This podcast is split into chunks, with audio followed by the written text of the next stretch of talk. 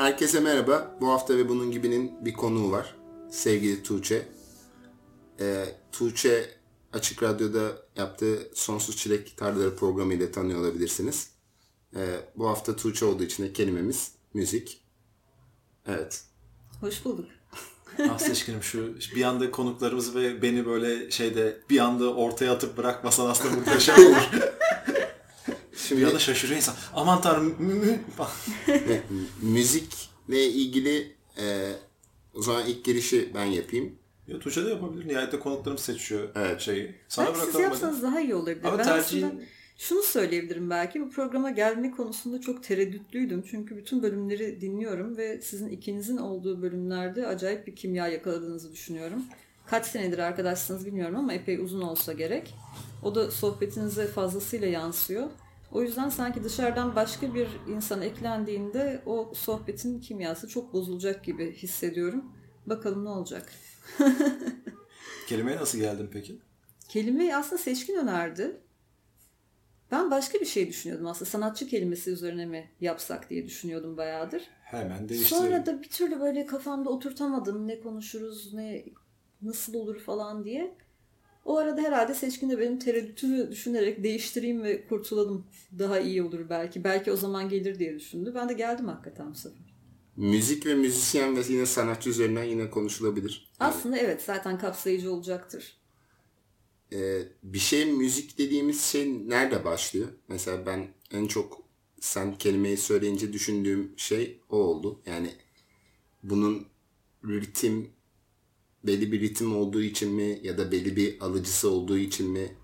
Yani mesela e, niye biz bir e, keman tam kemanın e, bir müzik aleti dışarıya bir ses veren bir aygıt olduğundan ve konser alanında olduğundan özel bir sahnesi olduğundan onu müzik dinliyoruz diye adlandırabiliyoruz. Ama e, özellikle bu son zamanlarda elektronik müziğin girmesiyle beraber yani müzik aletinin ortadan kalktığı ve daha dijital ortama geçtiği noktada nerede müzik icra ediliyor veya müzik icra eden kişi nereye doğru e, sürükleniyor diye düşünüyorum özne adına.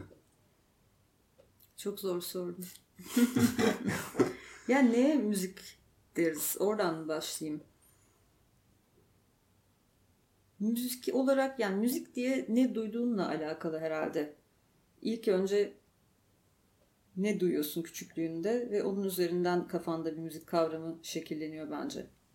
Bu da herhalde çoğunlukla hepimizin duyduğu popüler parçalar üzerinden oluyor. Ve çoğu insan da aslında o popüler şarkı formuna uymayan çoğu sesi müzik kategorisinde değerlendirmiyor kafasında. Dinlenmeye değer bir şey olarak bile görmeyebiliyor. Hmm. Yani şey seçkin sanıyorum senin sormak istediğin şeydi. Ben öyle anladım. Hani herhangi bir sesten müziği ayıran şeyin ne olduğu. İkisi de aslında. Ha. Hem o yani hem genel olarak ses, gürültü ve müzik arasındaki fark hem de neye müzik diyoruz. Yani mesela ne bileyim ben işte dün Taksim'de yürüyordum. Etnik müzikler çalıyordu. Mesela mesela müziği çalıyor mu hala ya? Yok Can artık Atilla'nın. onlar onlar çalmıyor. da özellikle Galatasaray Lisesi ile İstiklal'in başı arasında etnik müzikler var ama bizim coğrafya etnik müzikleri de değil. Yani özdeşim kuramıyorsun. Ee, daha oryantalist ve daha Arapça olduğunu tahmin ettiğim e, şeyler oluyor. Mesela bizim ne noktada bir şey müzik ya da rahatsız edici bir ses. Mesela ne bileyim Fenerbahçe maçı olduğunda ya da bir şey olduğunda mesela bir melodi veya bir ritim ayırmıyor olabilir. Yani uzun zamandır bu tartışmanın içine girdiğim zaman hep ritim bunu ayırt eden şey olarak algılıyorduk. Ee, hatta bunu antropolojik açıklamalar getiren insanlar da var. Yani sonuçta hepimiz e, işte Afrika savanalarında avlanırken bir ortaklık hareketi göstermek zorunda kaldığımız için ritmin yani bir eşgüdümün aslında bir insan alışkanlığı olduğu ve e, bozulmuş üzüm yiyip içip e, ateş başında hani yapılan o ritmik hareketlerinde aslında bunun bir uzun, uzantısı oldu. Bir sosyallik aracı oldu ve haliyle o insan kültürünün şeyini yansıttığı gibi açıklamalar bulunuyor. Fakat e, Tuğçe belki bir şey söyler burada. Mesela benim yakın zamandaki gözlemim de şey oluyor.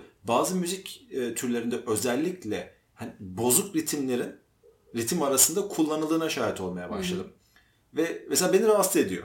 Yani şey olur bir şey bozulmuş gibi hissediyorum kafayı kaldırıyorum ama hani etrafındaki insanlar böyle bir şaşkınlık yaşamadığı için bana normal yani normal olacağını hmm. veya işte kabul edilebilir bir şey olduğunu düşündür, düşündürüyor. Tabii bir otorite olmadığı için ortada neyin müzik olup olmadığını hani e, bu soru cevapsız kalıyor. O yüzden işte dediğin gibi aslında çok göreli bir kavram.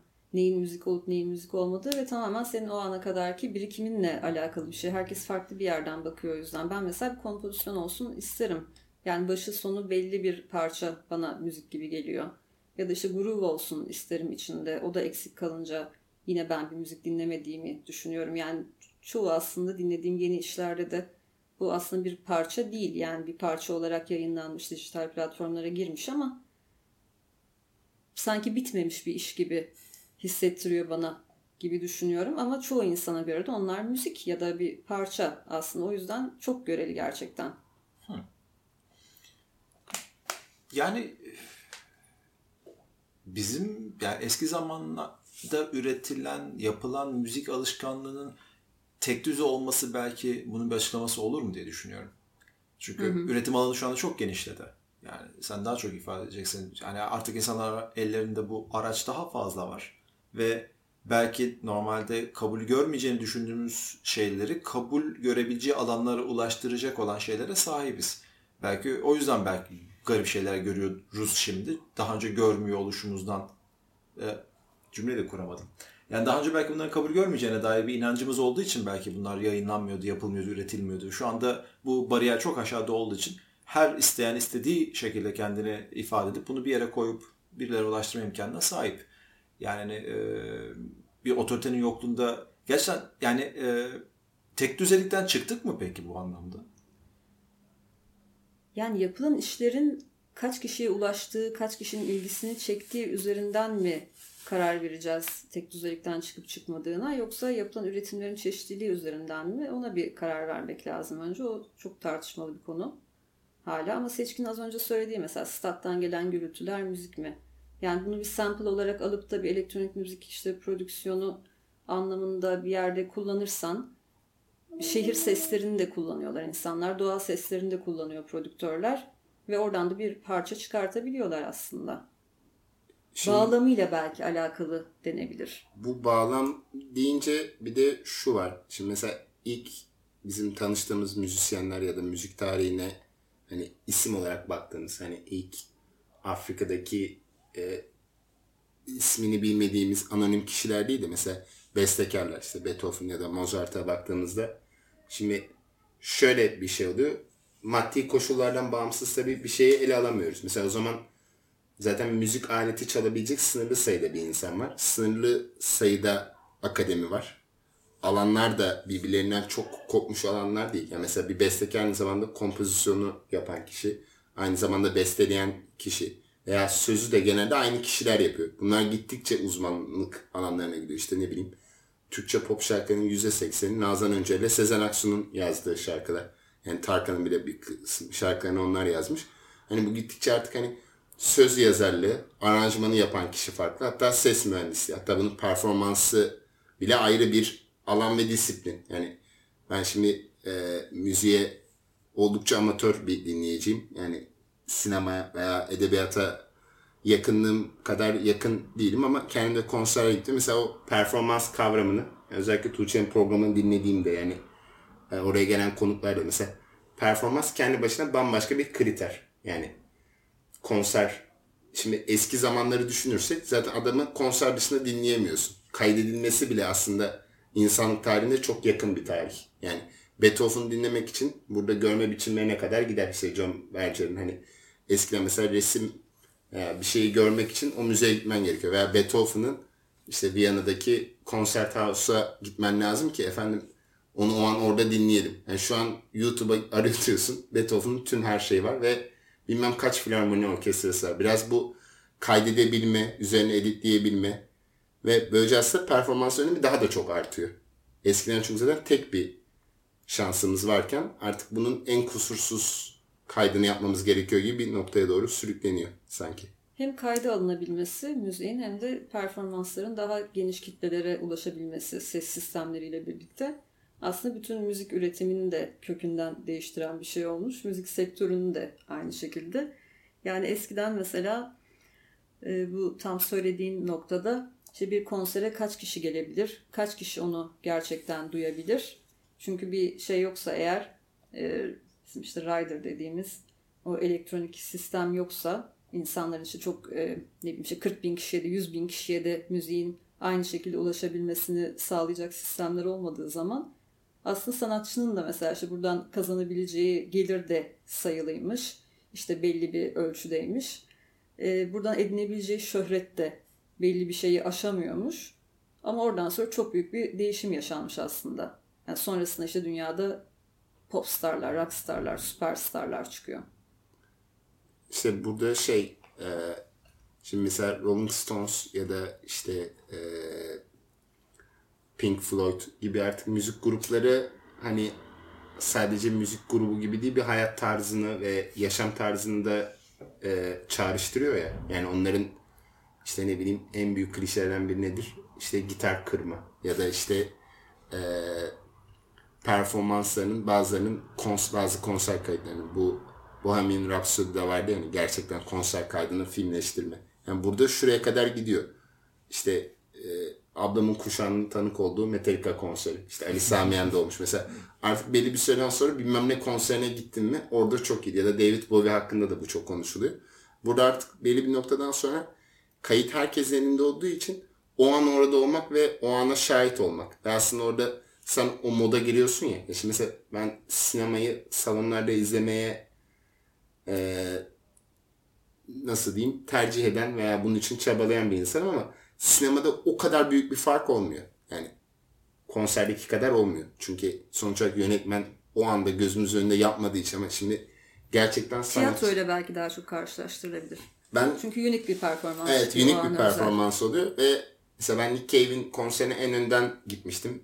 Mesela orada hakikaten yanımızdaki bir kişi sahneye çıktı. Hani teknik olarak gerçekten arandaki mesafe yok gibi bir şey. Hangi konserinin? Son konser mi? Evet. Şey. E, Küçük Çiftlik Park'taki. Evet. Küçük Çiftlik Park'takine. Şimdi mesela o benim için ilginç bir deneyimdi. Mesela o konsere dair aklımda olan bir şey var. Bence konuyla da uygun olacaktır. Ağladığım bir konser mesela yani böyle Tarkan görmüş genç kız gibi ağladım o konserde. Çünkü Nick Cave bir noktada seyircilerin arasında dolaşmaya başladı. Evet. Ve güvenlikler de peşinden dolaşıyor ama Nick Cave pek de öyle hani onları kollamıyor yani onlara göre hareket etmiyor. Aslında çıkıyor gidiyor yani kafasına göre. Ve bir korkusu da yok yani birisi bana bir şey yapar mı gibi. Hızlı hızlı dolaşıyor insanların arasında ve bayağı da dolaştı yani öyle az buz değil. Sadece işte ön sıralarda falan değil yani. O sahne önü bölümünün her tarafını geçti. Ve işte herkes takip ediyor gözleriyle. Nerede acaba işte Nick Cave şu an? İşte ben de bakıyorum falan. Ve bir noktada kaybettim. Aa nerede acaba falan derken şöyle bir soluma döndüm ve Nick Cave yanımdaydı. Gördüğüm anda böyle gözümden yaşlar boşandı. Çok bence bence çok enteresan bir an yani. Bunu ben kayıt dinleyerek yaşayamam. Bu arada performans için de aynı şey geçerli. Ben de mesela hep müziğin canlı dinlenmesi gerektiğini düşünüyorum. Yani o akşam bir işim yoksa işte gidebileceğim bir konser varsa oraya gitmeyi tercih ederim. Çünkü canlıda duyabileceğim bir şey gerçekten günlük bir şey. Yani bir daha tekrar olmayacak bir şey. Yani işte ben geçen gün film festivali kapsamında Godfather'ın e, Godfather'a gittim. Tam Godfather'ı belki 3 kere 4 kere falan izledim ama sinema salonunda izlemek hani aa ulan film böyleymiş demek ki. Hani çünkü sinema salonunda bile bu farkı hissedebilirken konserde baya hani bir de işte ne bileyim kendi kişisel hatıralarımızın olduğu kişiler. Şimdi Nick Cave benim çok uzman olduğum ya da işte hayranı e, olduğum bir kişi değil. Yani hani o an koşullar vardı ona bile tam. Mesela Mor ve Ötesi herhalde oraya girebilir. Mesela ben Mor ve Ötesi konserine bayağıdır gitmiyorum. Ama biri gidelim dese hani orada benim işte lise, üniversite hani birçok şeyi de çağrıştırıyor yani. Bunu konuşurken ben senin ne dinlediğini hiç bilmediğimi fark ettim. Biz seninle hiç müzik muhabbeti yapmadık şimdiye kadar. Kaç senelik arkadaşsınız?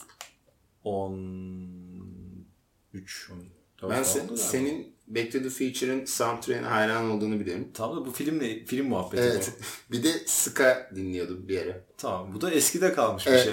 Bak senin fikrin var. Benim hiç yok mesela. Hay Allah. Neyse bunu bir ara kapatalım. Evet. Ya müzik hayatınızda çok yer tutmuyor mu ondan mı? Yo tutuyor. Yani hani şey e, herkesin aksine ben hala kendi şeyimi tutmayı tercih eden insan olarak albüm ve hani bir hard disk dolusu müziği olan bir insan olarak hayatımda her zaman bir yeri var ama e, nasıl ifade etmem gerekir?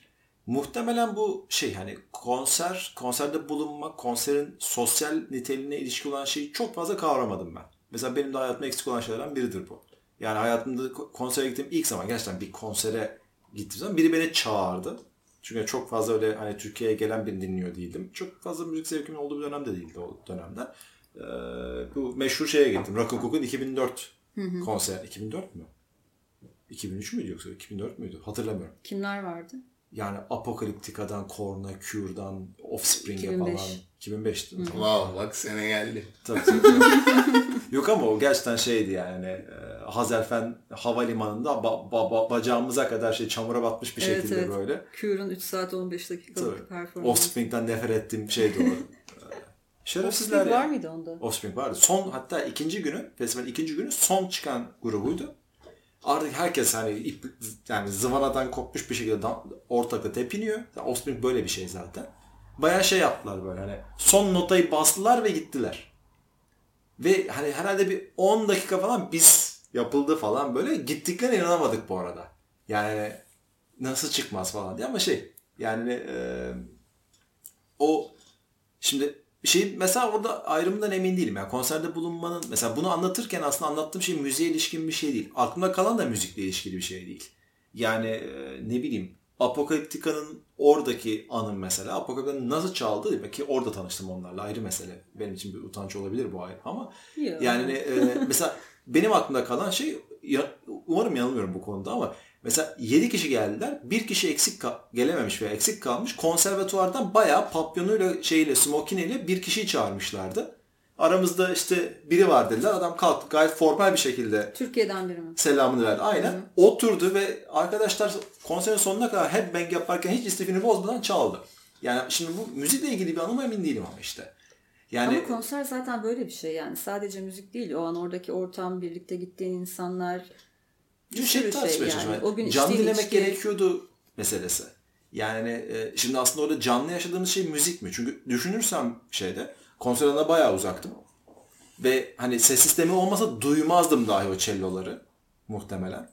Ve e, hani bana kalırsa bu anlamda gerçekten teknik standartlar bakımından evimde muhtemelen o müziği çok daha iyi replike edebilirim bir kayıttan. Yani e, haliyle orada bulunurken edindiğim tecrübe müziğin şey saymıyorum tabii yani ses kalitesi tartışmıyorum bunu. Hani yani e, nasıl söyleyeyim bir performans olarak da bazen değişebiliyor. Aynı şarkı aynı şekilde çalmıyor kimse. Bu başka bir soru ama hani edindiğim şey bir deneyim mi? Kesinlikle deneyim. Yoksa bu- müzikle ilgili bir farklılık var mı? Çünkü hani e, gerçekten konserde müzik dinlemeye gidiyor muyuz? Ben bundan şüpheliyim mesela.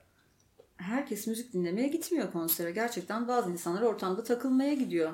Yani hiç dinlemeyen de var konsere gidip mesela. Sadece konuşan da var. Ama o da orada bir şey yaşıyor. Ben mesela dinleyici olarak çok rahatsız oluyorum konserde.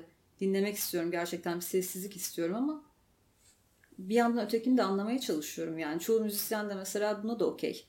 Yani müzisyenlerin bazıları çok rahatsız oluyorlar insanların dinlememesinden, işte telefonuyla uğraşmasından, sürekli fotoğraf çekmesinden, işte gürültü yapmasından. Çünkü bazen gerçekten böyle kalabalık arkadaş grupları böyle harele gürele böyle acayip gürültülü bir hale getirebiliyorlar ortamı falan ama bazı müzisyenler de diyor ki okey o da orada bir şey yaşıyor ve kalkıp buraya geliyor. Bu motivasyonla geliyorsa da o da okey. Belki birileriyle tanışmak için geliyor yani.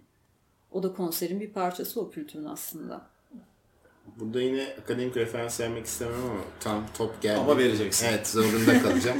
bu çünkü deneyim mi tecrübe mi diye deyince bu işte Benjamin'in elde etmişler Faruk meselesine doğru geliyor. Yani aslında bizim e, şüphesiz ki oradaki şey e, bize öznel bir deneyim ya. Yani mesela o gün üzerindeki hangi kıyafet olduğun, kiminle gittiğin, çıkışta acelen olup olmaması. Ya mesela orada biriyle tanışıp e, biriyle tanışmak için gitmiş olabilirsin. Gittiğin kişiyle ilişkini ilerletmek için olabilir veya onunla bir konser daha yaşamış olmak için gidebilirsin. Ya da e, eskeza mesela ben Ekşi Sözlüğün bir tane partisi vardı. Bir yerde bir e, şey konserine gitmiştim. Mesela tanıdığım hiç kimse yoktu. Ha dedim hani değişik olsun. Gittim mesela hiç kimseyle tanışmadan geri döndüm. Yani hani mesela hayatımda yalnız gittiğim ve hani hiç kimseyle tanışmadan da hani içine giremedim. 2-3 saat sonra geri döndüm. Şey Maslak tarafındaydı. Şimdi buradaki mesela o günü ben çok iyi hatırlamıyorum. Hatta grubu falan bile hatırlamıyorum. Sadece ilk sözlük bilmem ne zirvesi gibi bir şeydi. Şimdi burada veya Nick Cave konseri mesela çok iyi hatırlıyorum. Veya işte Volkan'la gittiğimiz Mor ve Ötesi Şebnem Ferah konseri var. Mesela e, o anı her şeyle benim aklımda. Burada şu var. Aktarılabilen şey, e, deneyim veya ifade edilen veya tam ifade edemediğin noktalarda bu işte deneyim ve tecrübe arasındaki fark oluyor. Şimdi bu Ernest Erfahrun'a gelirsek Ernest hani ne yapın yaşamaktan bizim kendi yaşantıladığımız bir şey. Erfahrun bir başkasına anılabilir. Buradaki işte hepimizin okuduğu Anne Frank'ın hatıra defteri. Şimdi orada sen birinin hatıra defterini, günlük defterini okuduğunda veya bir roman, mektubu okuduğunda yapabilirsem onu gerçekten deneyimlemek çok farklı herhalde. Burada Türkçe'de deneyim ve tecrübe arasında bir fark var mı? Türkçe'ye böyle çeviriyor. Herhalde bir fark olmaması lazım. Deneyim denemekten geliyor. Tecrübe de Almanca'da var ama geliyor. galiba. Ne? Almanca'da var. Almanca'da var. Erlebnis mesela kişinin kendi yaşantıladığı şey hakkında söylüyorsun. Erfahrung mesela birinin tecrübesi. Mesela ünlü bir e, caz sanatçısının Erfahrung'unu anlatabilirsin anekdot olarak. Ama Erlebnis kendi hayatından bir şey olmalı. Yani Türkçe'de bir ayrım olmasa gerek kimin yaşadığı hakkında. Belki Almancadan Türkçeleştirirken ona mecbur kalıp Nurdan Gürbilek böyle çevirdi valla. Hata varsa onundur. Yani ben mesela Türkçe'de şunu çok kullanıyorum. Şimdi aklıma bu geldi. Biraz konu dağılacak ama mesela hayatla yaşamı ben hep farklı kullanmaya çalışıyorum. Ama bunları bazen çok yan yana kullanıyorlar. Mesela bana göre hayatla yaşam arasında bayağı büyük bir fark var. Sizce var mı? yok hayır. Niye ben kelimelerimizi bunları hep birisi yeni versiyonu birisi eski versiyonu gibi düşünüyorum. Bana göre mesela yaşam daha Erlebnis gibi. Benim hani kişisel yaşamım veya yaşantım. Mesela hayat bundan daha büyük bir şey. Hani life. Mesela hayat devam ediyor diyoruz ya. Mesela yaşam devam ediyor diye bir kalıp yok. Yani yaşamla yaşantı arasında böyle bir fark var. Hayatla yaşam arasında yaşam devam ediyor diyor muyuz? Sanki Demiyoruz ama bunlar kalıptır aslında. Deyimleşmiş ya bir yandan. ben de mesela bunları Onu bozmuyorsun. bunun bazen tersine kullananlar falan da oluyor. YouTube'da falan öyle birilerinin röportajlarında falan. Mesela ben böyle şeylere takılıyorum. Mesela hayat. Mesela bana göre hayat çok daha büyüktür yaşamdan. Yani işte ne bileyim doğuyoruz, ölüyoruz. Büyü, yani biri Kronos, biri Tempus. Yani işte dedim bugün ta- günlerden şu şu şu şu. Bu hayatta bir şey. Ama yaşam işte Tuğçe geldi. Program yapıyoruz. Yani bu bizim yaşantımız. Ama hayat Yaşantı. veya yaşamımız. Değil ama yaşamla yaşantı Yaşam. arasında fark var. Yaşantı biraz daha parçacık belli kesitler Parçacık. gibi. Şimdi peki Deneyim. Ayıran şey deneyim olarak algılıyorsun. evet. Tamam işte e, ben Evet. toparlayayım konuyu o zaman. Şimdi mesela başından beri aslında bir noktada geleceğimizi düşündüm ama emin olmadığım bir şey vardı. E, şey mesela benim hep dikkatimi çeker. E, ilgin var mı bilmiyorum. E, senin olmadığını biliyorum. Teknolojik aletlerin olan beklentin bakımından. Mesela yakın zamanlarda sanırım bu bir cins hipsterlik olarak başladı ama şu anda giderek yaygınlaşıyor yani aslında ele geçirildi o anlamda. E, audiofili mevzusu. Yani birçok insan mesela evinde e, canlı müzik kalitesini yakalamak veya yakalayabilme iddiasıyla çok ciddi şey hani e, nasıl Sistemlere kayıt sistemleri sistemlerine yatırım yapıyor. Yani hani, e, bunu şey olarak yani olayın kendisinin neden yapıldığına ilişkin bir tartışmadan ziyade şeyi merak ediyorum. Hiçbir zaman şey bilemedim. Ya benim de benzer böyle ilginç takıntılarım veya işte uğraşlarım var ve çoğu zaman kendi sebeplerim olmasına rağmen hiçbiri böyle özel yani toplulukça veya bir kültürel üretimin sonucu olan bir deneyime rast gelmediği için tam bir an- analoji olarak kullanamıyorum bunları ama bu insanları şeyini hep merak ettim. Yani hani gerçekten aslında bir konsere gitseler sahip olabilecekleri deneyimi yaşamak için mi bu araçları topluyorlar?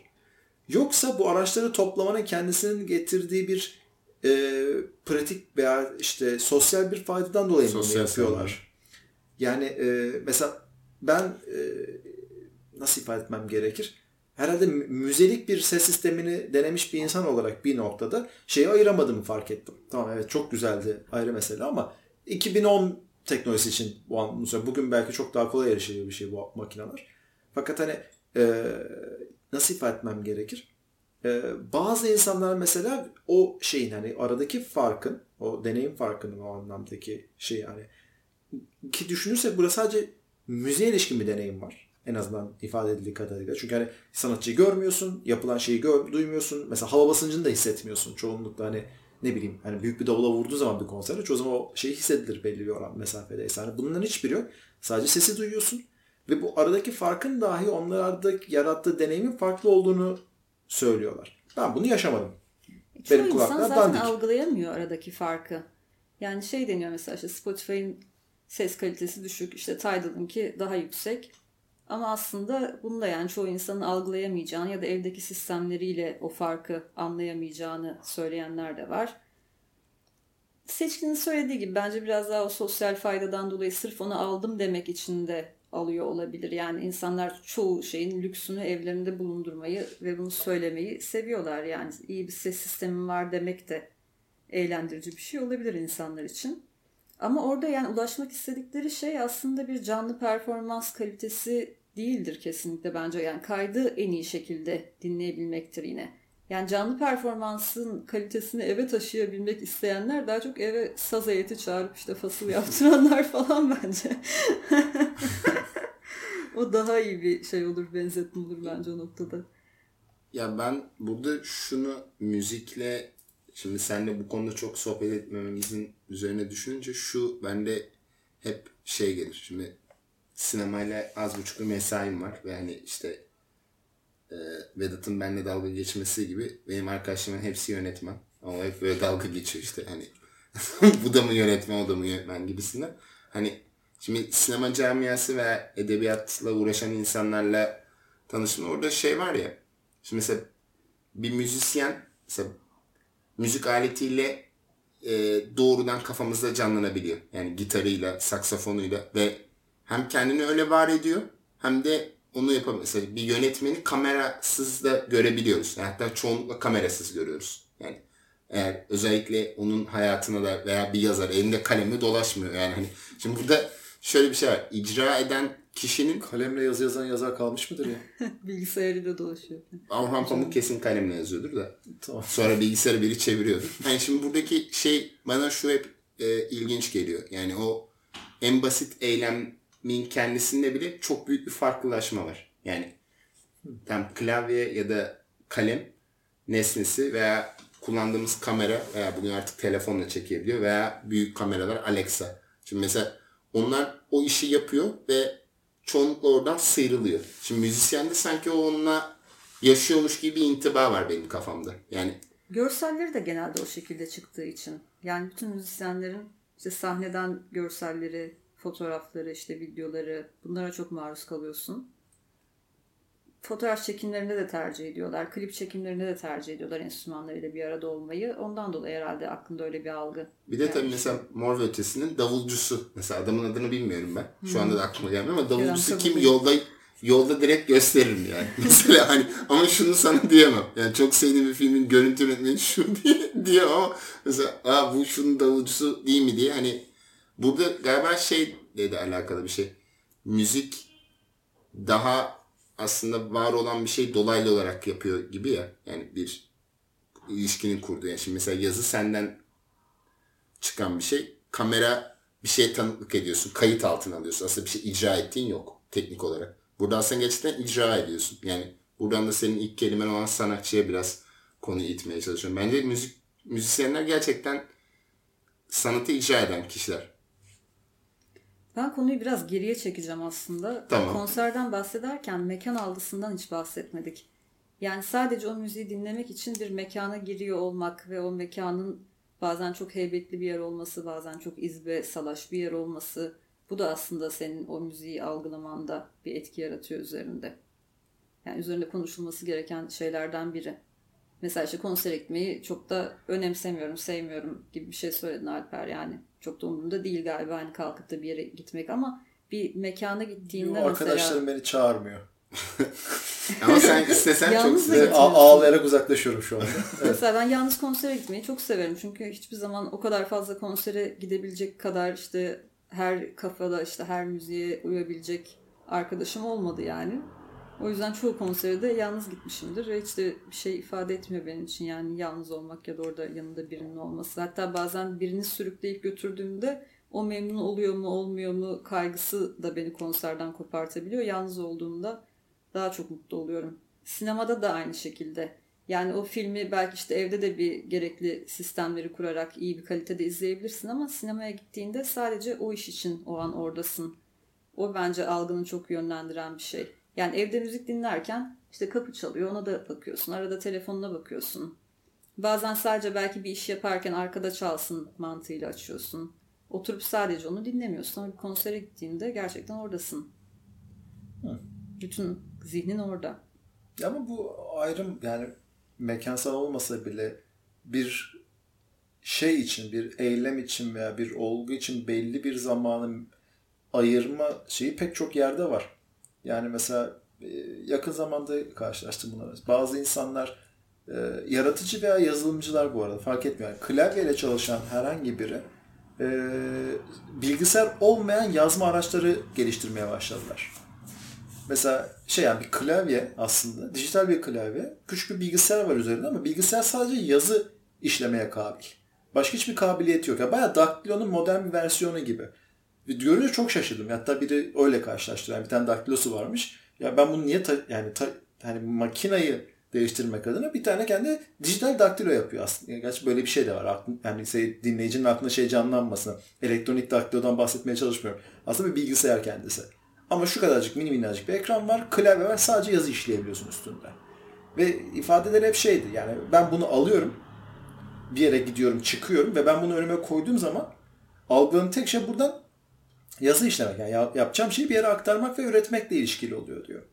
Şimdi Çünkü bilgisayarda belki farklı şeyler de yapıyor ve onun algısını dağıtan bir şey oluyor. yani mesela e- elektronik kitap şeyi de öyleydi. Yani mesela elektronik kitap cihazı kullanan insanlar mesela normal e, diğer hani e, nasıl söyleyeyim, genel amaçlı bilgisayarlarından şey okumamak için okumama gerekçeli olarak şey söyler. Web tarayıcısı bu. Diyor yani ben mesela canım sık yani okurken kafam dağılıyor bir şeye giriyorum ve kayboluyorum orada diyor.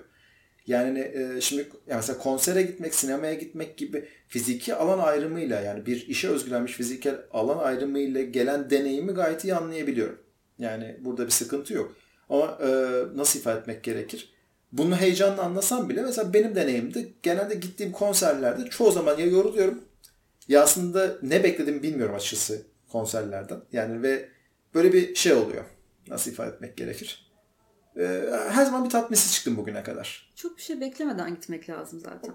Muhtemelen deneyim şey yani örnekleme sayım burada düşük olduğundan kaynaklanıyor belki. Yani 100 konsere gitmiş olsaydım belki daha iyi bir şeyim olacaktı, cevabım olacaktı bu anlamda ama yani e, mesela benim mesela en çok garipsediğim şeyler mesela küçük grupların şey en son nereye gittim ya? E, bir tane jam session'a gittim. E, Hayat Miktat Teremin gördüm. Çalınırken gördün mü Teremin?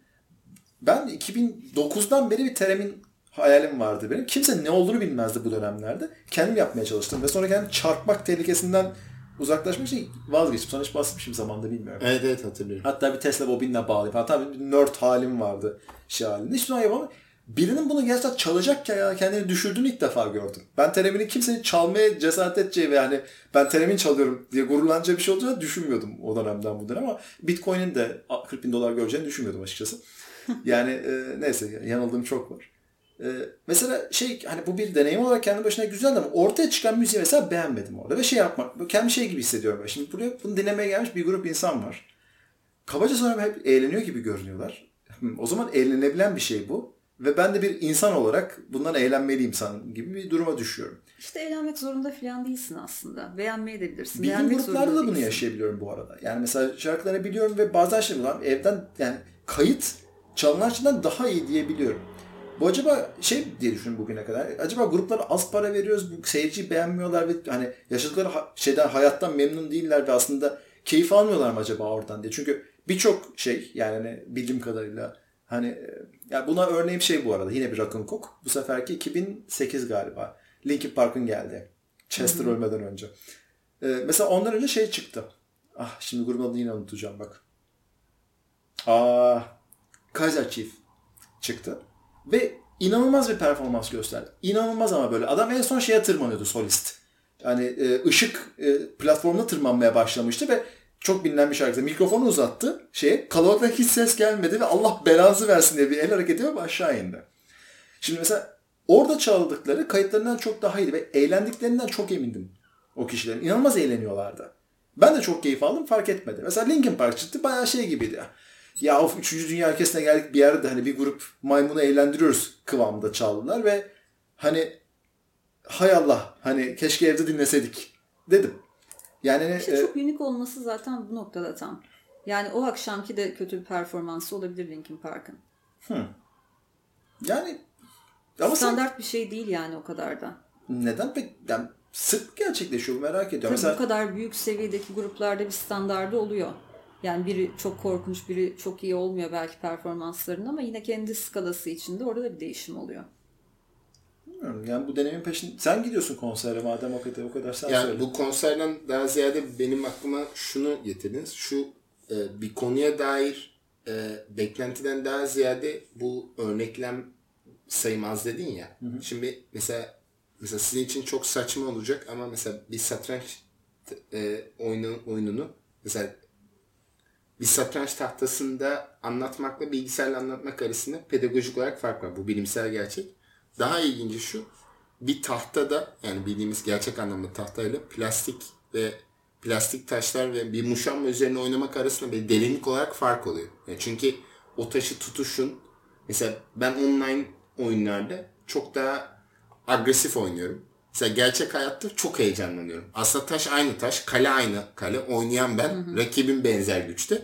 Çünkü orada o taşı tutuşu ben defalarca o tahta taşa veya plastik taşa dokunma arasındaki farkı anlayabildiğim için ben de deneyim farklı. Siz ikiniz de satranç tahtası lan tahta işte fil fil hani ama orada senin onları canlı görme mesela ben Kasparov şurada ne bileyim İstanbul'da avcılara geldi deseler harbiden o bir oyunu görmek için giderim. Yani biraz burada şöyle bir şey var. Örneklemi, örneklemimiz ve yaşantımızın çok önemi var. Ne bileyim işte ee, şunu buradan şuraya varacağım. Mesela ben Radiohead'i çok severim. Yani hı hı. çok bütün şarkılarını bildiğim nadir gruplardan biri.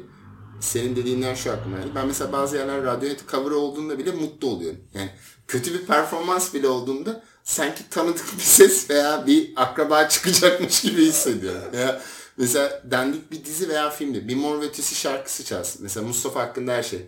Ben benim hiç sevmediğim bir film.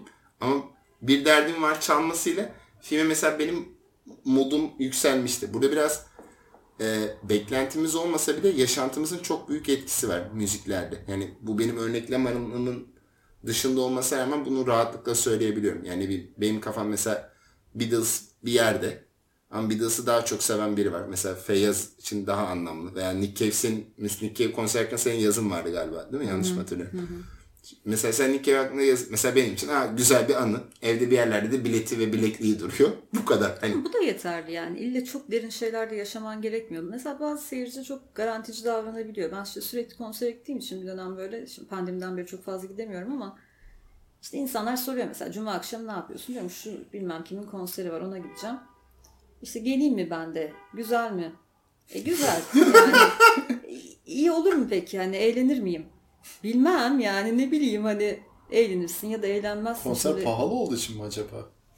Çünkü yani Türkiye'de pahalı fazla pahalı değil. O zamanlar ucuzdu da yani 20 lira belki verecek bir konser ama şey de zaman olarak da aslında insanlar garantici. Yani bunu başka şeylerde de yaşadım bu arada. Sadece konser değil. Belki işte bir tane söyleşi, bir panel. İşte geleyim mi? İyi olur mu? Bedava mesela yani. Giriş ücretsiz. Ama orada işte ne olacak? Bir saat vakit harcayacak. Belki o vakti düşünüyor yani. Anladım. Ben konuyu aslında tehlikeli bir yere getirmek istiyorum. Şey, elektronik müziğe. E, alakan var mı? Takip etmeye ve anlamaya çalışıyorum. Tamam o zaman şey. Şeyi fark ettim şimdi sen Seçkin demin şeyi söylerken hani e, bir deneyimden aslında bir hani alakasız bir yerde bile hani bildiğim bir şey duyduğum zaman hani hissettiğinden bahsediyor mesela. Ben de benzer bir şey yaşadım. E, Sabaton dinlemeye başladım yakın zamanda. İlginç bir şekilde ve e, bana kalırsa e, Metallica'dan daha iyi bir e, For Whom the Bell Tolls şeyi var. Coverları var. Net Metallica'nınkini dinlemiyorum artık. Hatta sileceğim muhtemelen onu oraya koyacağım. En azından Metallica dinlerken de onu dinlemiş olayım diye. Ee, şeyi fark ettim sonra. Elektronik müzikte de zamanında hani hoşuma giderdi bu arada. Hala da mesela hani gerçekten şey böyle hani böyle gece hayatı şey olsa böyle hani tekno mesela benim için şey böyle hani böyle gideyim ve kendimden geçeyim şey yani bizim zamanlı şeyler işte kopalım şeyi. Ama şey fark ettim mesela. Elektronik müziğin gerçekten e, şimdi elektronik müziğin böyle bir kalıcılığı var mı günümüzde bundan emin olamıyorum. Yani mes- işte ben bilmiyorum o yüzden sana sordum. Mesela Niye hayatımda sorguluyorsun yani? şundan dolayı elektronik müzik yani e, üretim kapasitesi çok yüksek bir hal aldı bildiğim kadarıyla. Yani hani, e, ve şey mesela isimler de sürekli değişiyor. Yani hani sürekli bilinen bir isim yani duyulan bir isim var ve sonra bir sonrakine atlanıyor sürekli olarak böyle. Hani şeyi duyamıyorum mesela kalan bir isim olmadı yani. Hani mesela Tiesto vardı. Tiesto yaşıyor mu hala bilmiyorum. İşte akımlar değişiyor dönem dönem. Hani dubstep var oldu ve yok oldu bir anda mesela. Evet. Yani işte hani, e, ama şeyi şekil düşünemiyorum mesela değiştiriyor. yani bizim bildiğimiz klasik anlamdaki müzik tarzlarından yok olan bir şey bilmiyorum mesela neredeyse. Yani hepsi bir şekilde icra edilmeye devam ediyor bugüne kadar. Yani ya çoğalıyorlar yani e, mesela metal türleri böyle aşağı doğru çoğalıyor sürekli olarak ama her niş şeyinin bile ucunun bile mesela bir şey yani icra edeni ve dinleyeni kal var. O isimler hala bulunabiliyor, aranıyor. 2010'lar boyunca da mesela rock müzik öldü geyiği vardı. Yani ölmedi ama Ama eskisi kadar dinlenmiyor. Ya da ben işte metal festivallerinde çok gözüme çarpan bir şey. Şimdi gittiğimde hala böyle işte 2000'lerde konserlerde gördüğüm insanları görüyorum. Daha yüksek bir yaş grubu görüyorum. Eskiden metal festivali olduğunda işte İzmir'den Ankara'dan otobüsler kaldırılırdı. Ama şimdi o kadar da fazla genç bir kitle yok metal konserlerinde. Doğru. Çünkü o kitle daha çok rap dinliyor şimdi. Belki orada kendisini ifade edebiliyor. Oraya bir aidiyet buluyor. Mesela rap dayandı. Yani e, genel bir alt kültürün Ama hep şekil değiştiriyor aslında. Yeni soundlar çıkıyor, yeni janralar çıkıyor. hepsi için geçerli bu anlamda ama şey isimler de kalıyor Elektrik müzikte de aynı durum aslında. Aslında şey ya üretimin kendisinden değil yoksa hani elektronin var olmaya devam ettiği bir şüphe değil bu anlamda ama şeyden emin olamıyorum. Mesela rap dünyasında da isimler kaldı. Yani e, Eminem'i hala biliyoruz. Yani hani, e, ama mesela e, Beni Benassi nerede bilmiyorum. Yani hani ismiyle bildiğim bir tane şarkı var elektronik dünyasında o da Satisfaction. Nedenini sormayın lise travması. Klip. Ama yani yok klip değil yok. Alakası yok öyle bir şey değildi. Hani e, tamamen şey. O dönem o şey o. Hani o sound o kadar yaygındı ki yani ondan başka herhangi bir yerde de bunu duyabiliyordun. Nereden bu çıktı deyince oraya gittim. O yüzden aklımda kalan bir şey ama yani hani, e, mesela Beni Ben Esinler'di bilmiyorum. Ama Eminem kaldı. Yani hani, e, isim olarak da kaldı. Hani kültürde de bir yere kaldı. Hani şeyden emin olamıyorum. Yani üretim hacmi acaba? Çünkü elektronik müziğin müzik olmadığını tartışmayacağım. Elektronik müzik müziktir o anlamda ama üretim hacminin kendisi arttıkça toplumsal olarak verebileceğimiz değer seyreliyor mu acaba bunun içinden? İfade edebildim mi emin değilim. Aslında sadece elektronik müzikte de artmıyor ki üretim hacmi. Tüm türlerde artıyor kayıtlı üretim. Emin miyiz bundan? Çünkü elektronik müziğin üretim maliyeti çok düşük. Yani özellikle yakın zamanda şeyi takip ediyorum. Ee, bazı insanların hani bilgisayar destekli müzik üretimi kendi başına bir bando yani bir grup olarak hareket edebiliyor yani. Şey sinte- sentezleniyor. İşte davul sentez. Bütün enstrümanları Her şey sentez. Bir şey enstrümanı kendi giriyor. yok. Onu girmeyenler de var. Yani bayağı şey bilgisayar başında oturup tamamen yazılımsal olarak bir şeyi hani besteyi yapıp çıkabilen insanlar var. Bu maliyet çok düşük. Yani gerçekten hani üç, ya bir trio bile kursan hani o iş insanların kimyasını yakalayıp bir şey çıkarabilmek için harcaman gereken şeyden, emekten çok daha düşük. Haliyle ben hani elimde bir veri olmasa bile elektronik müzik üretiminin nasıl bit bazında dahi yani illa enformasyon teorisi bakımından bile açıklayacak olsak daha fazla üretildiğini düşünüyorum. Yani elektronik müzik için edinebileceğin ekipmanlarla aslında aynı fiyata enstrüman da alabiliyorsun artık. Ama enstrümanı çalabilmek belli bir yetenek gerektiriyor. İşte aslında orada. Yani donanımsal bir sorun. Ama de elektronik müzik yapabilmek de bir şey o da belli gerektiriyor. bir beceri gerektiriyor. Yani Ama Yani o kadar yine kompozisyon bilmen gerekiyor en başta. ama şimdi mesela mesela bir piyano çalmayı esas alırsan mesela belli benim bildiğim kadarıyla belli bir yaştan sonra piyano çalman çok zor. Bazı besteleri çalamıyorsun. Bence onlar hikaye yani bir yere kadar Keman çalar. çalamadığın kesin. Birçok şey için öyle ya. Şey, Tamam. gerçek öğrenmek Keman, çalışıyor onlar kemanı ama. belli bir yaştan sonra işte ana keman olamıyorsun. Yani benim müzisyen bir arkadaşım var. Can da bizi dinliyor. Hani belli bir yaşta eğitim almazsan o şeyi yakalayamıyorsun. Hani mesela şimdi elektronik müzikte böyle olmadığını düşünüyorum. Yani belli bir yaş yani bilgi farkı olabilir. Yani mesai veya bilgi farkı olabilir. Ben buradan şunu e, çok düşündüm. Yani e, müzikte bu senin yaptığın tartışmayı şu anda bu fotoğraf çekme veya video çekmede bu çok tartışılıyor. E şimdi mesela E, Burada dijitalleşmiş her klasik sanat üretimi için bu tartışma var bu arada. bu en büyük problem şu oluyor. Mesela işte atıyorum Leica lens veya bilmem ne lens. Hani inanılmaz paralar harcanıyor. Bir şeyler yapılıyor. Mesela bugün Instagram'da bir şey çekiyorsun. Onun otomatik filtresi var. Veya gece uyumlu var. Yani, yani e, aslında onu daha kolaylaştırıyor veya daha nasıl söyleyeyim basitleştiriyor. Ama hala mesela lensle fotoğraf çeki, çekenin bir alıcısı var. Veya hala bunun işte Magnum Photos dediğimiz hala mesela fotoğrafçılık yarışmaları var. Yani elektronik müziğin ölmesi aslında müziğe bir noktada katkı sağlıyordur diye düşünüyorum. Çok bilmeden söylüyorum ama değişimle yol açıyordur. Çünkü mesela telefonla fotoğraf çekmek aslında yücelti, yüce- yüceltiyor. Çünkü o biçim değiştiriyor aslında. Sanki elektronik müziğe bok atmışız gibi hissettirdik şimdi.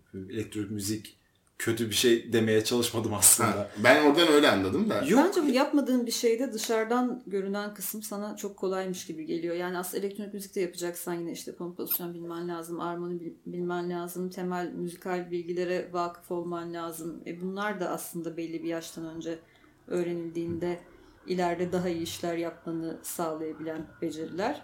İşte fotoğraf için de mesela fotoğraf aslında göz çeker muhabbeti vardır. E, Resimde de mesela aynı şey var. Dijital resimde işte geleneksel resim arasında işte dijital sanki daha kolaymış, asıl olan gelenekselmiş gibi hala bunu savunanlar da var. Ama aslında işte ressamlar da bir yandan şunu söylüyorlar. Normalde yani traditional olarak böyle işte elle çizebildiğin bir şeyi aslında dijitalde de yapabilirsin. Yani orada yapamadığın bir şeyi dijitalde de yapamıyorsun.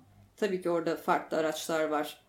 Senin farklı bir iş ortaya koymanı sağlayabilir ama ben de şimdi mesela dijital resim öğrenmeye çalışıyorum. Ve aklımda böyle hep daha kolay gibi bir şeydi.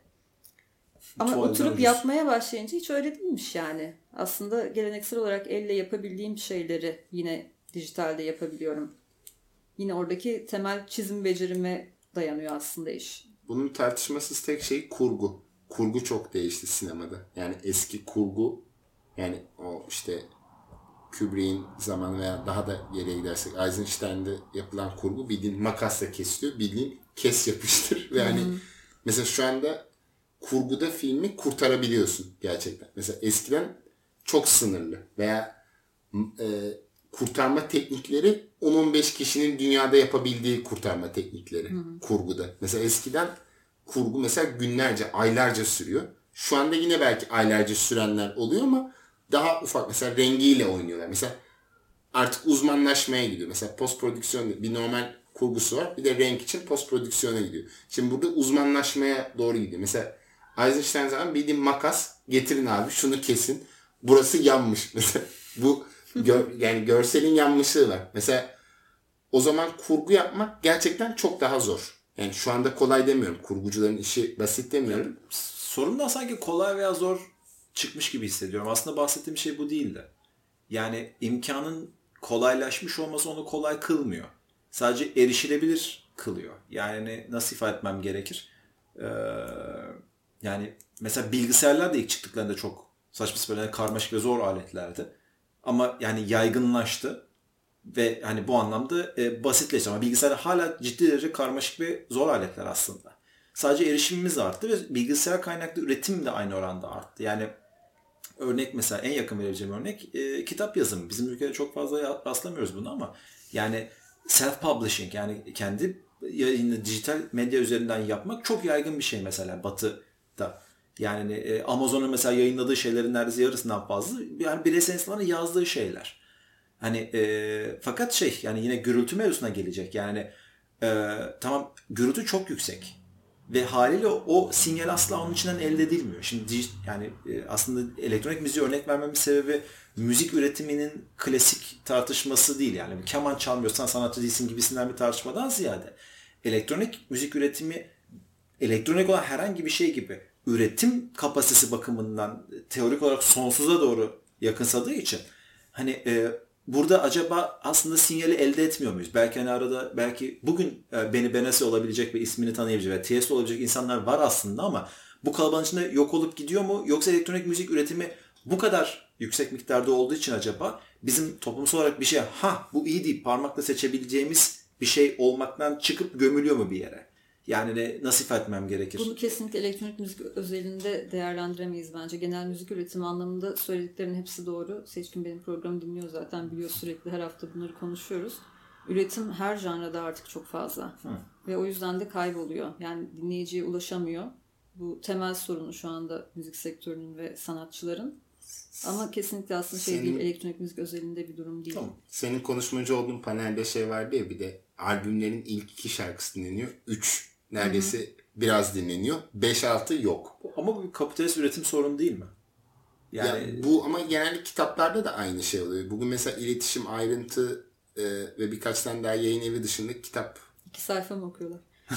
Hayır yani başka e, çok nadir kitap alınıyor. Yani yayın evi yayın evleri onları promote etmedikçe yani bugün sosyal medya stratejisi olmadan yazar bunu düşünmüyor belki ama yayın evi onu düşünüyor ve bunun için ajanslar var. Mesela yani onu öne çıkartabilmek bir insanın okuyabileceği veya müzik dinleyebileceği zaman belli zaten. Yani hani bir yere kadar dinleyebilecek durumdayız. Yani ama şey nasıl ifade edeceğim? Deminki örneğin mesela yine Can Atilla şey yani Taksim müziği mesela o albüm alındı bizim tarafımızdan. Yani biri düştü bizim aileden ve o albümü aldı ve albümün kalanında dinlenecek hiçbir şey yok neredeyse. Bir tek o şarkı var. Ve buna benzer şeyler çok var bildiğim kadarıyla. Yani e, tek şarkılık albümler hep vardır. Ama etrafında bir miktar daha şarkı var onun. Yani e, hiçbir zaman bir albüm tek bir şarkıyla basılmıyor. Basılıyor kelimesini kullanıyor olmamdan hmm. bile muhtemelen yaşım tahmin edilebilir. Zaten artık hiçbir albüm basılmıyor. Evet, basılmıyor. Şimdi mesela ikinizin de sinemayla ilginç bir ortaklığı var. Mesela ben şey söylüyorum. Hep hayatım boyunca şey çok garip gelmiştir bana.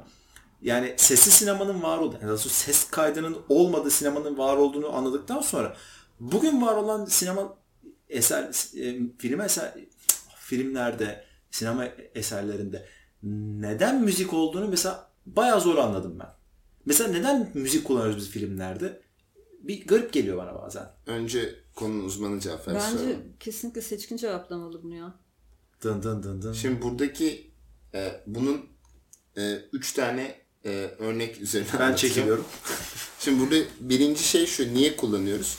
Mesela e, bunun en güzel kullanımlarından biri bu Kieslowski'nin Mavi filminde. Mesela orada bir dramatik bir sahne vardır.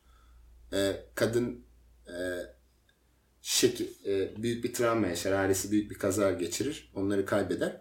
Şekeri alır. E, çaya, suya, e, suya banar ve şeker birden e, çayı, çayı, çayı, çayı içine çeker ve dağılır. Mesela oradaki çalan müzik bizi bir duygu durumuna seni dahil eder. Yani teknik olarak manipüle eder. Ve seni oradaki yalnızlık veya izolasyonu müzikle verir. Esas filmde müzikten daha e, kuvvetli olan şey ses kullanımıdır. Filmde müzik kullanımını ses olarak alırsak filmde ses kullanımı bayağı önemlidir. Yani şöyle özellikle fantastik filmlerde veya bilim kurgularda mesela Hans Zimmer olmasa zaten Nolan'dan ben nefret ediyorum ama Nolan'ın izleyicilerinin %90'ı o moda giremez. Çünkü seni mesela uzay sesi veya Bıva. tehlike sesi o aslında ufaktan gelen ses veya Yüzüklerin Efendisi. Yani orada zaten o ses manipülasyonun büyük bir parçası. Çünkü seni bir evrene ikna ediyor. Mesela Harry Potter. Yani Harry Potter'da o Quidditch mi, Quidditch mi nasıl okunması gerekiyorsa o onun o uçma sesi veya işte e, o büyüden sonra çıkan zang zung gibi sesler olmasın zaten seni ikna edemez. Yani sinema baştan sonra manipülasyon ve e, sahtekarlık üzerine kurulur. Yani sen zaten hem oyuncu oynar hem ses seni oraya ikna eder. Birinci kısmı bu. Teknik bir fark var. İkinci e, demin de Radiohead deyince ve e, Tuğçe'nin de sevdiği dizi olan Six Feet Under. Mesela orada finale doğru çalan Lucky. Radiohead Lucky çalıyor. Mesela benim aklımda saniye saniye aklımda. Veya final bölümünde çalan 12 dakikalık bir e, sekansta mesela bir şarkı var. O şarkıdan bağımsız ne o kareleri düşünebiliyorum. Artık o belli bir süre sonra match ediyor. Veya sevdiğimiz filmlerde de. Veya In the Mood for Love. Bunun diğer en büyük örneği de o. In the Mood for Love'da adamla kadının birbirlerini gördükleri bir sahne vardı ve çalan bir şarkı vardı. YouTube'da bile adı şu. In the Mood for Love Song. yani şimdi orada artık match eder. Çünkü kafamızda o görselle ses birbirinden bağımsız düşünülemez. Bu ikinci sebep. Biri manipülasyon ve teknik sebep. İki, match eden bazı kareler vardır. Veya yine bu Amerikan güzelindeki poşetin havada kaynaklanma, e, havada e, uçtuğu sahne vardır ya. Orada mesela rüzgar sesi verildiği için o sahne bir derinlik katar. Üçüncü açıklamada şu. Bazen de o filmin soundtrack'i özellikle bize çok hitap etmiyor ama sektörel filmlerde mesela o o anki trend olan şey mesela Men in Black'teki şarkılar. Mesela o kendi başına bir şeydir. Orijinal soundtrack. OST dinleyen insanlar vardır. Neden? Çünkü Men in Black'te çaldı. O cool. Ya da işte Pink birkaç tane filmde aksiyon. Charlie's Angels'ta mı ne çalmıştı? Mesela orada da şöyle bir şey oluyor. O filmi popüler hale getiriyor. Yani daha Hollywood mantığında müziğin böyle bir etkisi var. Üç farklı cevap vermiş oldum. Benim bir filmi izledikten sonra etkisinden çıkamayıp uzun zaman soundtrack albümü dinlemişliğim vardır mesela. Ya da hiç beğenmeyeceğim bir filmi sadece müzikleri yüzünden beğendiğim de oluyor. Ya da tam tersi de oluyor. Yani çok kötü müzik kullanımı var burada. Keşke çok daha etkili seçimler olsaydı diye düşünüyorum. Özellikle şu anda mesela yani dijitaldeki yerli dizilerde çok düşündüğüm bir şey. Bence çok kötü bir müzik seçimi var. Müzik süpervizörlüğü artık ne deniyorsa seçkin daha iyi bilir. Yani sadece popüler şeyleri seçiyorlar. Yerli sahneden sadece en popüler her yerde çalan, işte minibüste de çalan, kafede de çalan, vapura bindiğinde oradaki grubun da çaldığı parçaları seçiyorlar. Bence birazcık daha mesela ilk defa orada duyacağın şeyler olması ya da çok daha eskiden bir şeyler olması. Biraz da aslında sana e, yani sende çok fazla çağrışımı olmayan müzikler seçilmesi o sahneyle daha kolay bir adaptasyon sağlıyor bence.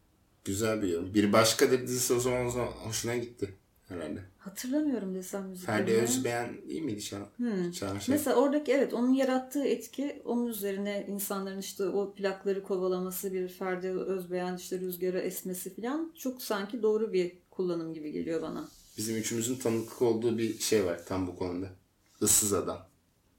Anlamazdın anlamazdın şarkısının Evet. çalmadığı bir an yoktu. Ben Evet hatta birkaç parça daha vardı o soundtrack'te yine o dönemlerden seçilmiş. Ve onun üzerine aslında Türkiye'de yerli işte o 70'ler döneminin plaklarının fiyatları fahiş işte bu, bu seviyelere gelmişti. üçüncü faktör dediğim sektörel yönelim bu Amerikan. Anlayabiliyor musun ya? Şey mesela e, hani nasıl ifade etmem gerekir? Bağımsız sinemada hani müziğin çok az kullanıldığı pek çok film izledim. Ama mesela hiç kullanılmadığına şahit olmadım. Var mı ya? Mesela başından beri ben hani böyle de- hani bastım çalış dedim. Hani o kaset Hiç yerinden müziğin çıkacak- olmadığı yer var. Ses var. Ses doğal. Yani ses zaten hani sinemanın göstermek dış zorunda ses dış ses kullanımı Yerli var. sinemada müzik ama işte sesle aynı şey dogma değil. filmleri geldi aklıma tabii. Müzik kullanımı olmaması deyince. Bayağı bir filmde e, müzik kullanılmıyor. Yani dış ses olarak kullanılıyor. İçeride mesela mesela saz çalınıyor veya biri bir konsere gidiyor karakter. Hı. Full müziğin olmadığı film çok nadir de olsa var. Ama genel dış ses olarak müzik zaten bağımsız sinemada az kullanılıyor. Yani e, çünkü onlar şeye yapmaya çalıştığı için Telif ödeyemiyorlar. Ben de onu diyecektim. Bütçe sorunu mu acaba diye. Yok biraz şundan dolayı atmosferle manipüle etmek. Mesela kısa filmlerde mesela genelde bir tane müzik olur. Mesela bizim işte benim ortak yönümcüsü olan Bugün Ölmek İstemiyorum filminde mesela. İşte tek bir. Niye? Çünkü ne kadar çok müzik aslında o kadar çok seyirciye eee, farklı atmosfer sunuyor. Bizi işte eee tan bizim ortak tanımız Feyyaz'ın eee, bizim sevdiğimiz dizi şey Cornwell'in kitabına Yüksek Sadakat. Mesela o dizide de müzik dinlemenin ve müzik dinlemenin ve müzik dinleyicisi olmanın e, önemi üzerine bir film. Ama film aynı zamanda kendi başına bayağı anlamlı. Mesela burada bu ikisinin meç ettiği yerlerde her iki taraf için de heyecanlı şeyler oluyor. Yani bu herhalde birbirinden çok ayrışılamaz bir noktada sanırım. Bir aslında ifadem şeydi. Şimdi şeyi anlayabiliyorum. Yani mesela müzik olduğunu hiç hatırlamadığım şeylerde, filmlerde çoğunlukla yaşanan şeyin kendisi e, o duyguyu aktarmak için yeterli. Yani zaten böyle bir çaba göstermiş. Ama şimdi şey düşünüyorum. Mesela Yüzüklerin Efendisi'ni müziksiz düşünemiyorum. yani gerçekten çıkarsan filmi muhtemelen 15 dakikasına bile katlanamazsın. Star mesela. Wars'ta. Star Wars'u ben yani hani neyse şimdi açtırtma bayramlık ağzımı. Ama işte az önce sorduğun soruyu da kendin cevaplamış oluyorsun bir yandan. Yani niye müzik şart? Ama Sinemada acaba- müzik kullanılması olmaz. Neden müzik kullanıyoruz ki diyorsun ama bunu hatırlıyorsun. Ya da neden konsere gidiyoruz ki diyorsun ama 2005'te gittiğin konserdeki çamuru hatırlıyorsun. Ama işte oradaki deneyim yani müzik onu acaba yani merak ettiğim şey mesela bu mümkün olsa şayet elimizde. Hani müziğin olmadan aslında sadece o görsel ve işitsel medya aracılığıyla elde ettiğin deneyimi müzik mesela arttırabilir miydi? Çünkü orada bilinçli bir tercih yapılarak o müzik oraya eklenmemiş durumda. Acaba mesela oraya müzik eklenmiş olsaydı çıkarıldığında yine aynı şeyi düşünür müydüm?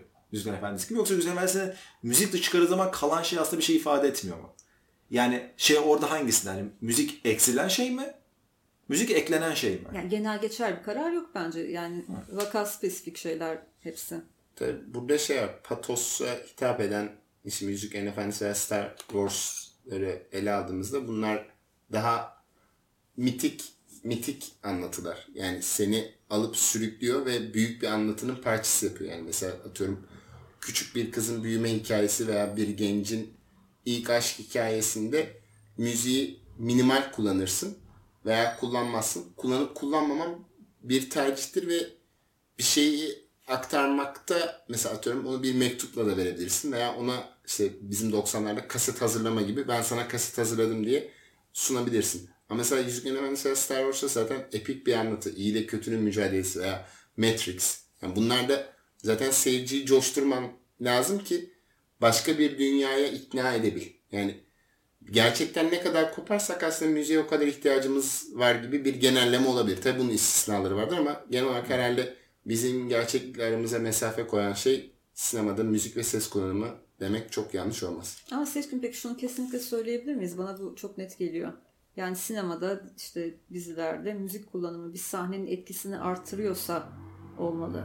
Yoksa gerek yok gibi düşünüyorum ben. Evet. Yani mutlaka oraya bir şey ekliyor olmalı. Kesinlikle e, eklemediği ve sadece manipülasyon için yanlışlıkla konulmuş veya rahatsız edici şarkılar oluyor. Yani e, ama iyi olduğu zaman işte bir e, In the Mood for Love'daki gibi. Mesela o In the Mood for Love'daki gerilimi aslında sahne çok basit bir sahne. Kadınla adam karşılıklı biri yukarı çıkıyor biri aşağı iniyor. Ve oradaki o çalan müzik sende birbirlerine bakmaları ve fiziksel teması olmaması şarkı senin kafanda özleşiyor. Artık bir tamamen bir bütün olarak yer alıyor. O yüzden hakikaten müziğin doğru kullanımı çok çok önemli. Yani e, ama burada tabii şu var. Her müzik kullanımı iyi mi? Bu e, doğru bir şey değil. Yani o yüzden e, Tuğçe'nin dediğine hak vererek yavaş yavaş programı da kapatabiliriz. Orada evet, Tuğçe haklı. Burada şey şu Zaten benim haklı olduğum artık ayyuka çıktıysa Evet. kapatabiliriz. Yani. Şimdi burada e, dizilerde çok fazla şey oluyor. Hani popüler müziklerin kullanımı ile beraber daha fazla kitlelere ulaşabiliriz ve dilden dile dolaşırız e, kaygısı oluyor. Sanıyorum özet olarak asıl önemli olan müzik içinizdekidir cevabı olacak şu anda. Çünkü sadece deneyimlerimize bağlı bir sonuca çıktık. Ya konserde, ha filmde, ha ne bileyim tarz konusunda. Sanırım daha fazla çıkarabileceğiniz bir özet yok buradan değil mi? Var mı Bilmem ben bir özet çıkartamadım ama seni de kırmak istemiyorum. Tamam o zaman. Kırmızı. E, bizi bu hafta dinlediğiniz için teşekkür ederiz. Bence çok keyif programı. Tuğçe tekrar teşekkür ederiz geldiğin için. Teşekkür ben teşekkür ederim beni kabul ettiğiniz için. ah efendim ne demek. ne demek. Her zaman bekleriz. E, haftaya başka bir kelimede görüşmek üzere. Hoşçakalın. Hoşçakalın dostlar.